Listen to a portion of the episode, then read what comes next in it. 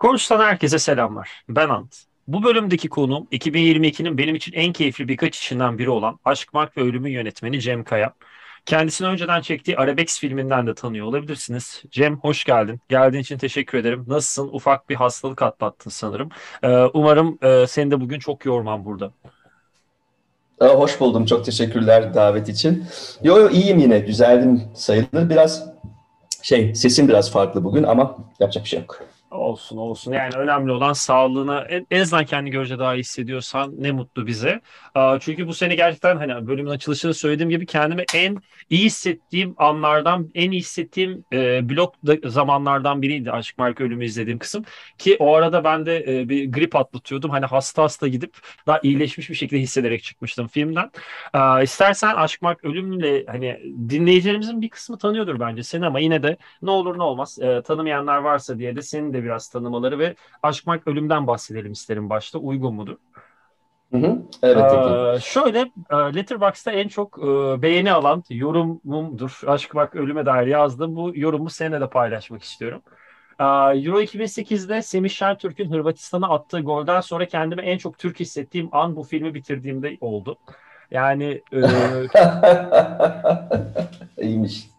e, 120 artı 1'de Platikosa'yı avlamış gibi çıkmıştım filmden. Teşekkür ederim bu his için. E, Aşk Mark Ölüm'ün e, Ece ile yaptığı e, çok güzel bir de e, anlatım süreci vardı. Üretim kaydı bölümü. Onu da dinlemenizi öneririm. Orada detaylı bir şekilde anlatıyorsun ama yine de e, çok kolay bir çekim süreci, çok kolay bir tarama ve e, birleştirme süreci olmadı e, zannımca.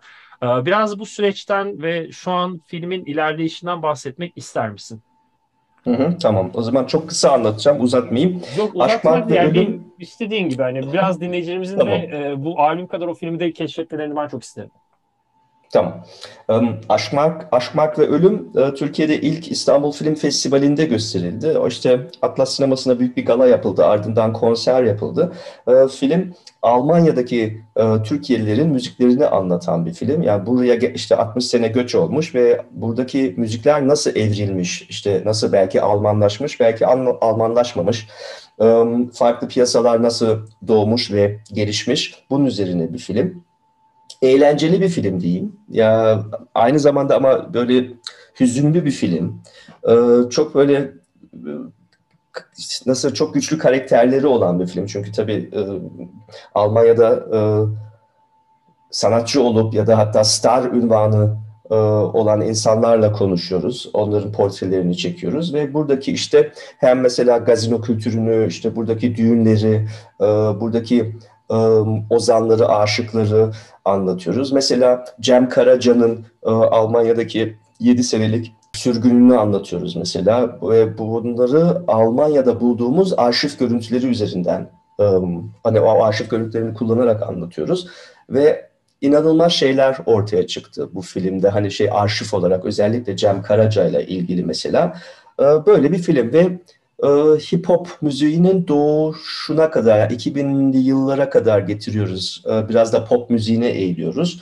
E, böyle 90 dakika içinde işte 60 senenin e, şeyi kronolojisi diyebilirim. İşte bu, bu film e, Şubat 2022'de e, ilk dünya premierini yaptık Berlin Film Festivali'nde. Ondan sonra orada işte ilk izlendi. Sonra İstanbul Film Festivali'ne geldik. Şimdi festival süreci var filmin. Yakında vizyona girecek Almanya'da, Avusturya'da. İstanbul, Türkiye'de de galiba bir vizyonu olacak e, Kasım ayı gibi. Ama daha tam emin değilim o yüzden e, söyleyemiyorum tam olarak. Ve filmin belki de işte en çarpıcı özelliği arşiv e, görüntüleri yani kullandığı arşiv. E, bu da işte benim diğer filmlerimde çok e, geniş arşiv araştırmaları vardı diğer filmlerimde de. Mesela Arabesk'te öyleydi işte arabesk müziği ve kültürünü anlatmıştım. 2010 senesinde çıkmıştı o film. Bir de 2014 senesinde e, Türkiye'de Motor e, uluslararası işte camiada Remake, Remix, Rip-Off isminde isimli bir belgesel filmim var işte Yeşilçam sineması üzerine. Yeşilçam sinemasında kopya kültürü üzerine bir film bu. Orada da çok geniş bir arşiv e, taraması yapmıştık. Yani benim yaptığım işler bir de çok uzun sürüyor. Hep bir beş sene, bir yedi sene sürüyor. Çünkü işte bu um, arşiv ve araştırma süreçlerin çok uzun olması için bir de filmler bittikten sonra da telifleri um, almak çok büyük bir mesele yaptığım filmlerde. Böyle. Harika. Ee, filmden nasıl filmde değil de e, Ece ile yaptığım bölümde ve başka röportajlarında da okuduğum ve benim etkilendiğim yerlerden biri de mesela Cem Karaca'nın ismini a, bir normal Cem Karaca olarak aratıyorsunuz. Birkaç kişi daha vardı sanırım ama benim aklımda Cem Karaca kalmış. Hı hı. Bir de Almanlar bunun ismini nasıl yazmıştır acaba diye düşünüp e, bir de Almanların nasıl yazabileceği üzerinden de araştırmaya giriyorsunuz. Nasıl giriyorsun ve sen e, bir tek kişi olmadığını tahmin ediyorum. Eğer tek yok yok ekiple ekiple e, tabii. Ekipçe buna girişiyorsunuz ve e, hani bu bir yandan da farklı bir zihin jimnastiği olsa gerek. Hani normal işi yapmanın ötesinde biraz yan yolları da normal, nasıl e, yan düşünceleri de normale oturtmak e, gerçekten bir adanmışlık ve e, ciddi bir disiplin işi olsa gerek. Metin Alatlı'nın sentetik oyun havaları ya da e, Alamuga esinlenmeler hatta Alaturka'dan Alamuga esinlenmeler sanırım tam uzun ve e, direkt ismi ona tam emin olmamakla beraber. E, dürüst olacağım ben seninle konuştuktan sonra bu albümün varlığını keşfettim. Böyle bir albüm de demek aslında çok doğru değil. Böyle bir e, çalışmanın e, varlığını keşfettim. Ve benim için güzel bir kapı aydınlanması, güzel bir aydınlanma oldu. E, Yeşilçam sinemasının e, müzikal tarafında çok güzel hikayelerim var. E, direkt Baldız benim aklıma ilk gelen film. Direkt orada bu e, albümün çoğunu duyabiliyoruz. Gibi gibi çok fazla noktası var. Ben ilk başta bu albümle ve Metin Alatlı'yla nasıl keşfettiğini, onunla nasıl tanıştığını ve bugün burada konuşmamıza e, konuşmamızı sağlayacak noktada seni etkilemesini nasıl bir yoldan eriştiğini senin ağzından duymak isterim diyerekten topu sana atıyor ve mikrofonumu kapatıyorum. Ben Metin Ağatlı'yla ne zaman tanıştım? Belki 2000'lerin başında um, ilk dinledim, ilk duydum. Ve bunu kimin sayesinde? Galiba Serhat Köksal, 2 bölü 5 BZ. Um, 90'larda, 2000'ler günümüzde de çok önemli bir sanatçı uh, ve uh, arkadaşım. O çalıyordu. Onun bir radyo programı vardı. Orada ilk dinledim ve aa bu ne dedim kendi kendime. Çünkü garip bir soundtu yani. Hiç e, daha önce dinlemediğim bir soundtu. Çünkü Metin Alatlı'nın yaptığı yani sentetik oyun havaları dediği e, klasik bildiğimiz e, şarkıları mesela işte Beyoğlu'nda gezersin e, ya da işte e, Dede Efendi e, ya da Haydar Haydar gibi e, şarkıları, Nick Longa bunları Moog e, klavyesiyle çalması ya da işte Moog bilmiyorum ne denir ona artık org mu deniyor synthesizer mı deniyor? Synthesizer sanırım daha doğru tabi Moog synthesizer ile çalması ve bunu ama 70'li yıllarda yapmış olması. Yani bu plak çok eski bir plak. 1975 yanılmıyorsam. Evet 75. Um, 75 senesi ve 75 senesinde bu e, hattan çıkıyor. Ya da bir saniye ilk baskısı Nereden çıkıyor? Evet hat. Yani H.A.T. diye bir plak şirketinden çıkıyor. Stüdyo Hayri yazıyor plakta. Şu an elimde bakıyorum. Harika. O plakta neler neler var bu arada. Onu da hikayelerini kaçırmayalım lütfen. evet evet ve plakta da arkasında çünkü Metin Alatlı hakkında çok bilgi yok. Ya da ben araştırmadım diyeyim sana ama müzikleri çok beğendiğim için e, yani dinliyorum. Hatta bugün sabah da yeniden dinledim. E, plaktan dinledim hatta. E, ve burada şey yazıyor işte bazı bilgileri, yani çok fazla bilgi yok çünkü işte erişebileceğimiz bilgiler ekşi sözlük açıkçası. Onun dışında bir iki böyle internet sitesi. Bir de bu plak yeniden basıldı. Şey yurt dışından galiba. İşte arşiv orada bir iki bilgiye. Arşiv plak basmış. Ha eyvallah o zaman yurt için. Um, ve burada işte birkaç bilgi var. Onun dışında da bilgi yok. Ben Metin Alatlı'nın bir um, akrabasıyla tanışmıştım. Çünkü bir müziğini kendi bir fragmanımda kullanmak istemiştim. Um, ona ama şimdi ulaşamadım işte. Çok bir araştırma yapamadım maalesef. Ve burada da şu yazıyor. Hepsini okumayacağım, çok azını okuyacağım. Ee, 32 yıllık yaşamının 27'si müziğe adanmış bir kişi. Kendine uğraş olarak tıbbı seçmesine karşı müzikten kopmayı başaramamış. Ee, dünya görüşü olabildiğince geniş, belki de yurdunda müzikle ilgili eylemlerinin sınırına erdikten sonra evreni müziği ile tanımak, görmek istemiyle bir dinleyici, bir yorumcu olarak boyutlarını alabildiğine gelişletmiş. Um, ve son cümle, yani daha devamı var ama benim okuyacağım son cümle. Günümüz Türkiye'sinde yerleşen adı ile aranjman türünü ilk uygulayan e, görüşe 1950'lerde sahip olmuş. O zaman beraber çalıştığı silüetler, işte önemli olan bu, silüetler topluluğu ile Hürriyet gazetesinin altı mikrofon armağanını 1966 yılında o zaman olay olan iki parça ile kazanmış. Dede Efendi 66 ve Lorke. Lorke zaten yani en bilinen şarkıları aslında Metin Alatlı'nın e, Metin Alatlı'nın yaptığını bilinmese dahi en e, kulak aşina olan şarkılarından biri olabilir. Yani ben ilk kez duyduğumda ben Lorke'yi duyduğumu misal öyle fark etmiştim öyle söyleyeyim. Aynen yani işte silüetler topluluğunu bilirsek mesela onları düşünürsek silüetler grubu işte 1966 senesinde altın mikrofon yarışmasını kazanıyor ve o dönem işte klavyecisi Metin Alatlı o grubun ardından başka müzisyenler de giriyor silüetlere önemli müzisyenler bir de o dönem zaten şey var bu elektronik müzikle ilgilenen birkaç insan var Türkiye'de. Bu Metin Alatlı'yla sınırlı değil. Mesela en tanınan ve hala yaşayan Gökçen Kaynatan var.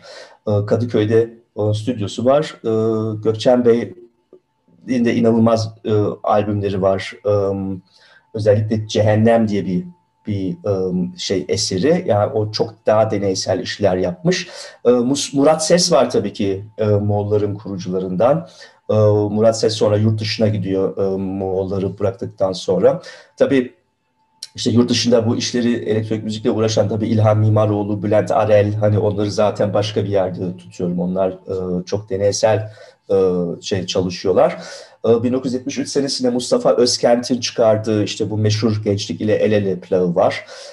Bir de Almanya'da Hammond, Hammond orguyla çalışan Grup Doğuş isminde bir grup var. Bunları işte Aşk, Mart ve Ölümü çekerken de e, keşfettik o grubu. Onlar da yeniden basıldı bu arada. Şey bastı Almanya'dan bir um, plak şirketi Iron Hand Records. E, Ercan Demirel arkadaşımız bize de çok yardımcı oldu. Onlar yeniden bastılar grup doğuşu. Yani o dönem e, moda demeyeyim ama belki zeitgeist diyebilirim. Hani bu elektronik müziklerle ilgilenen e, bir ufak bir camia var Türkiye'de de.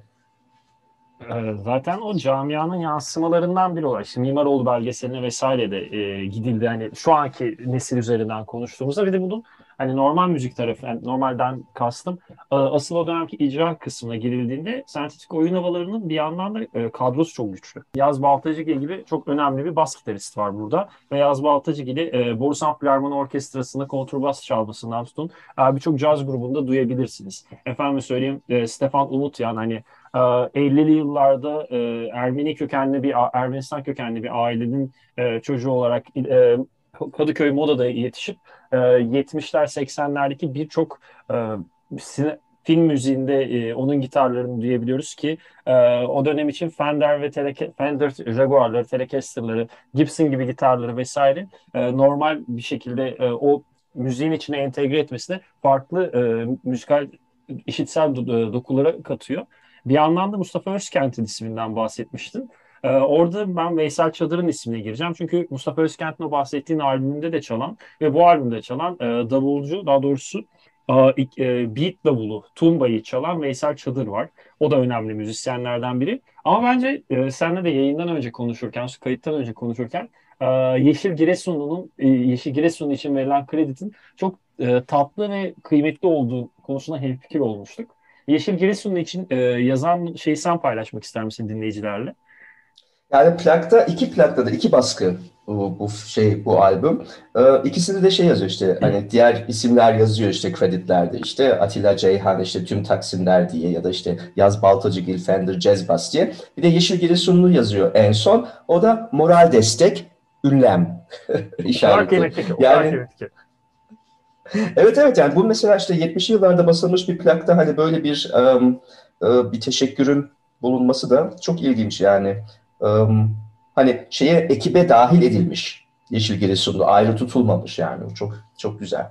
Zaten e, burada da hani o kolektif bilinç, kolektif üretimde e, sadece birlikte icra etmenin dışında hani o icra edebilmek için e, belki gelmesi ulaşılması gereken o e, mental dinginliğe de ulaşmada böyleyiz. Böyle e, kişilerin e, katkılarının olması ve bunların sadece ya teşekkür ederimin ötesinde e, ölümsüzleştirilmesi çok değerli olsa gerek. Buradan da bir yandan Metin Alatlı'nın ne kadar e, kibar mı denir yoksa e, hatırşinas biri olduğunu o da farklı bir nokta olsa gerek diye düşünüyorum. Buradan da belki biraz Metin Alatlı'ya gelmek ister misin? Hani onun müzisyenliğinden bahsettik ama bir yandan da bir doktorluğu e, te- tercih ettiğinde hani o güzel bir alıntı vermiştin. Orada da dile getiriliyordu. Birden fazla aslında işi bir arada götürmesine rağmen hani doktorluk kimliğini aslında sanki bir yandan yan, e, asıl işi olsa da yan işi gibi götürmüş hayatı boyunca. Hani hep asıl alanı müzik olsa da e, müzikten hayatta kalamamayı o dönemlerde de görüyoruz maalesef. Doktorluğu bir nevi hayatta kalabilmek için yapmış gibi bir durumu var. Bir diş hekimliği kariyeri var zaten ve diş hekimliği sırasında tiyatro kulüplerinde öğrencilere yardımcı oluyor. İşte tiyatro eserlerinin, müzik eserlerinin hazırlanmasını, onların icrasında e, katılıyor. İşte aranjmanlarını vesaire ayarlıyor. LP'lerde, long play'lerde yani e, albümlerde duyulmak yerine tamamen böyle tiyatro eserlerinde vesaire yerlerde sadece e, canlı kısımlarda yer alırken 80'lerde işte bu şekilde hayatını devam ettiriyor doktorluğunun yanında. Ama şöyle bir sıkıntısı var çocuk. Aslında Metin Alatlı'nın hayatını bir nebze e, ilgi alanları inşa etti ve e, inşasının sonunda yıkımına sebep oldu da diyebiliriz. E, müzik kadar hem müzik kadar büyük tutkularından biri de dalmak Metin Alatlı'nın ve bu dalmalarından sonucunda e, bunu birkaç kaynaktan teyit ettim. İlk bunu Ekşi'de görmüştüm ama birkaç kaynaktan teyit ettiğim için e, dile getirmekten yana bir beis duymuyorum. Ee, çocukluğunda çocukluğundan itibaren sürekli denizaltı dalmalarından e, süre gelen e, kalbinde bir büyüme ve e, çok sağlıklı bir insan olamamış maalesef. Ve bu kalp hastalığını e, majör seviyelere taşıyor ve 1980'lerin hemen son günlerinde zaten e, ani bir kalp kriziyle hem hayatına hem e, bize sunduklarına veda etmek durumunda kalıyor. Ama buraya gelirken de bir yandan 1970'ler kısmı var. 1970'lerde bu albümü yapmadan önce e, Lefkoşa'da e, yani Kıbrıs'ta e, hayatının bir dönemine devam ederken Rauf Denktaş'ın e, kızı Ender Denktaş'ın da e, müzikal ö, müzik öğretmenliğini de gerçekleştirmiş. Yani orada zaten şöyle bir rivayet var. Benim bulduğum ama e, teyit edemediğim bir kaynak. Bir, bir yandan sesli düşüneceğim. 1970'lerde bu eğitmenliği, e, öğretmenliği sürecinde biriktirdiği kaynakla bu şu an üzerine konuştuğumuz albü finanse edebildiğine dair de bazı rivayetler var. Yani keşke daha fazla bilgi olsaydı diye düşünüyorum. Çünkü müzikleri çok çarpıcı. Yani um, özellikle plaktan dinlediğinizde, iyi bir sistemde dinlediğinizde uh, çünkü yani biz nasıl şey um, ilk dinledik işte filmlerden biliyorduk işte Yeşilçam filmlerinden. Ya onlar tabii kötü kötü kayıtlar uh, olduğu için böyle tam hani şeyine yani bu müzik nasıl bir müzik? Sadece ilginçliği dışında hani müzikal kalitesini pek anlamamıştım ben plaktan ilk dinlediğimde asıl o şeye geçti. Um, bana Peki, geçti yani geçti. bu. O Aha, temas aynen. etti sana. Aynen öyle. Ee, en son ne diyebiliriz bu albümle ilgili? Bunun iki baskısı var. Şu an mesela koleksiyoncu tarafına baktığımızda e, bu albüm şu an piyasa yani yeniden basılmasına rağmen orijinal plak çok değerli. E, gerçekten çok e, fahiş fiyatlara satılıyor.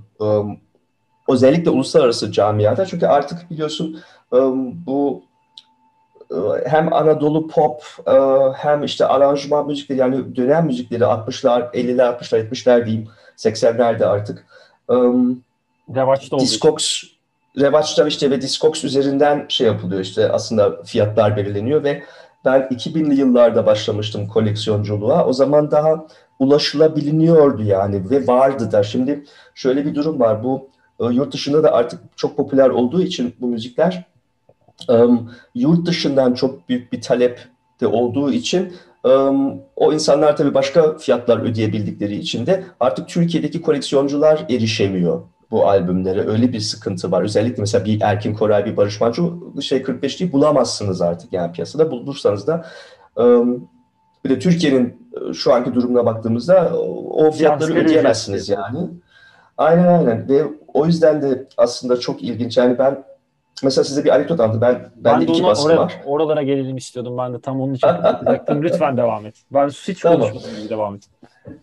Mesela mesela bende iki baskı var. Bir tanesine para ödedim. O dönem için de bayağı pahalıydı aslında. Ee, tabii öğrenciydim ben. O öyle bir şeyim yoktu. Öyle bir e, maddi gücüm yoktu ama aldım tabii ki yine de.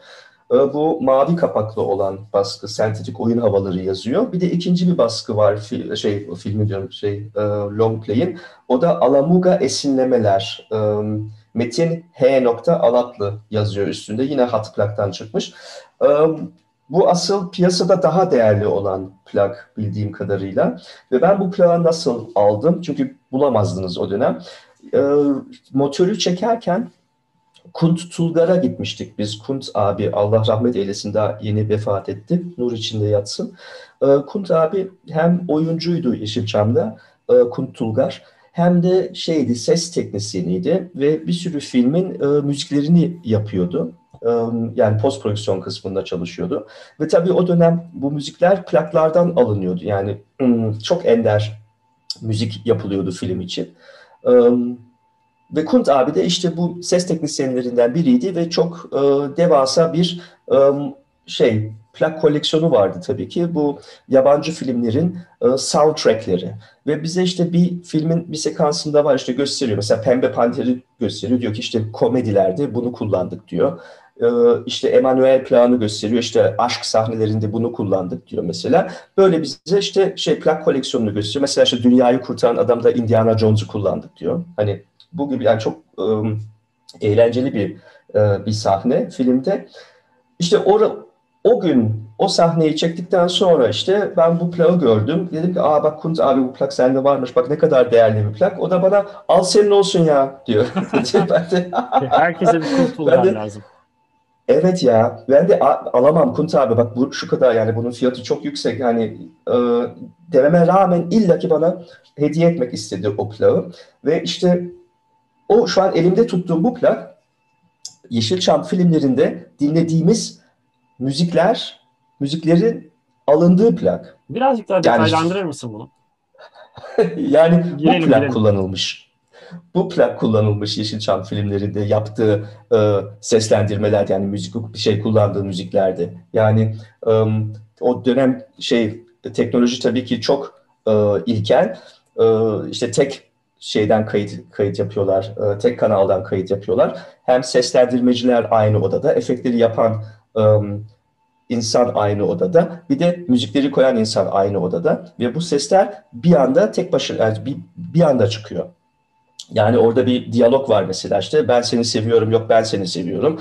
İşte çay içiliyor arkada efektçi işte çay içme efekti yapıyor mesela. Ve orada işte ha şimdi diyorlar ve orada da müzik giriyor mesela. Ve o müzik Metin Altın müziği ise öyle düşünürsek e, o plak şu an benim koleksiyonumda. Tamam, onunla beraber biz ta işte Amerikalara festivallere gittik. Austin'de Fantastic Fest'te işte şeyin e, motorun e, Amerika premierini yaptık beraber. E, onun filmleri gösterildi orada şeyde. Evet Texas eyaleti. Ondan sonra İspanya'ya gittik bir şey Kutrakon isminde bir fantastik film festivali vardı mesela.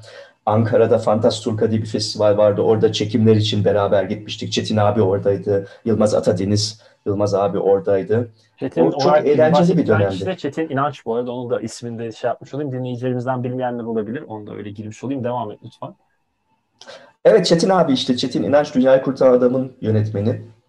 Um, Benim aşamadığım sahnenin yönetmeni. Hakkı Ha, Bulut'un buyur, gözüne buyur. Hakkı Bulut'un gözüne Şam'dan soktu. Filmin adı neydi bu arada? Ben filmin adını hatırlamıyorum. Gözüm aa bak ben de unuttum. aklımda sadece gözüne Şam'dan soktuğu sahne olarak var ve e, ben o filmi unutmuştum sayılır. E, senin Arabeks'i işte seninle tekrar hani seninle bölüm yapacağımız için bir o filmi nasıl izlemedim bil- bilmiyordum. Bir açıp izleyeyim dedim. Orada görünce film çok güzel ilerledi belgeselin. Ama e, filmi durdurmak zorunda kaldım çünkü kahkaha krizine girdim tekrar. O sahneyi izlediğinizde aklınıza bu bölüm gelsin sevgili dinleyenler. Gelmezse de canınız sağ olsun ama gözünüzü şamdanlardan sakının diyerek. Seven unutmaz. Seven Bence de unut- unutmaz. unutmaz. Bence de unutmaz. Filmin ha. şey ismi 1978 senesi. Hatta bir ismi daha var o da Ben Köylüyüm. Bu Almanya'da video olarak da çıktı VHS olarak. Ee, yani Biz- reaksiyon nasıldı? Ben de onu sorayım. Yani filme dair. Ya bu filmler şeyde ev, evlerde izlenirdi tabii ki yani aile ziyaretlerinde ya da burada çok um, 80'li yıllarda işte VHS 79'da çıktı galiba. Almanya'da çok büyük bir VHS furyası patladı. Çünkü Türkiye'den yayın yoktu. Yani e, daha uydu teknolojisi gelmemişti. O yüzden Türkiye'den film yani Türkiye'den filmleri sadece tek tük büyük şehirlerde sinemalar vardı. Yani mesela Berlin'de bir tane yok hatta iki tane. Türk sineması vardı. Ama mesela işte başka daha ufak şehirlerde hafta sonu bir sinema kiralanırdı. Orada işte filmler gösterilirdi. Türk bunu işte organizatörler yaparlardı. Hatta filmler öncesi konserler verilirdi. Ama işte video çıktığında, video teknolojisi çıktığında Almanya'da yaşayan Türk aileleri um, Alman aileleriyle kıyasla çok daha fazla video um, çalar satın aldılar mesela. O dönem bir de üç tane format vardı. O işte Betamax, VHS bir de Video 2000 diye bir şey vardı. Neyse burada video kulüpler mantar gibi türemeye başladı çıktı 80'lerin başında. Ve biz bu filmleri, ya Yeşilçam'ı da biraz kurtardı. Yeşilçam'ın işte tam batmaya doğru giden dönemleriydi. Ve bu Yeşilçam'da, Yeşilçam'ın ürettiği ta işte 60'lı yıllardan beri ürettiği filmler, siyah beyazlar dahil, video olarak Alman piyasasına sürüldü buradaki gurbetçiler için. Biz de oradan izledik zaten bu filmleri. Yani benim Yeşilçam ve arabesk müzik merakım da aslında oradan geliyor. Cem çok teşekkür ederim. Yani başka söyleyeceğim bir şey varsa bir pat diye de böldüm kusura bakma. Lakin Yok, e, çok güzel bölüm oldu. E, senin bilgine ve e, kaynaklarına eşlik edemedim. Kendimi bu açıdan sana biraz da mahcup, sana karşı mahcup hissediyorum. Yok canım Ama değil. yok abi yok yok. Relax. Okey. Şaka bir yana çok keyifli bir bölüm oldu benim için. Güzel bilgiler öğrendim. Benim için de e, hakim olmadığım bir alana başlamak için e, bir yol gösterici bir bölüm oldu bir yandan. Hani e, Metin Alatlı'nın haricinde de. Çok teşekkür ederim. İyi ki geldin. Ee, söylemek istediklerim teşekkür ettim. olarak dinleyicilerimize paylaşmanı rica edeceğim. Buyurun. Çok teşekkür ettim ya dinlediğiniz için. Ee, ya umarım işte İstanbul'da, Türkiye'de bir yerde e, görüşürüz hep beraberce. Aa, harika. İstanbul'a muhabbet, İstanbul'a geldiğinde e, gösterimlerden önce ya da sonra bir boşluğun olursa da bir e, çay, kahve, bira artık ne içmek istersen davetimi ben buradan dinliyorum. Eyvallah. Çok teşekkür. E, bekliyorum seni. E, daha da vaktini almıyorum. E, senin de yetişmen gereken yerler var. E, iyi ki geldin. Sizlere de dinlediğiniz için çok teşekkür ederiz. Kurus yeni bölümlerde, yeni albümler ve konuklarla devam edecek. Kendinize iyi bakın. Hoşçakalın.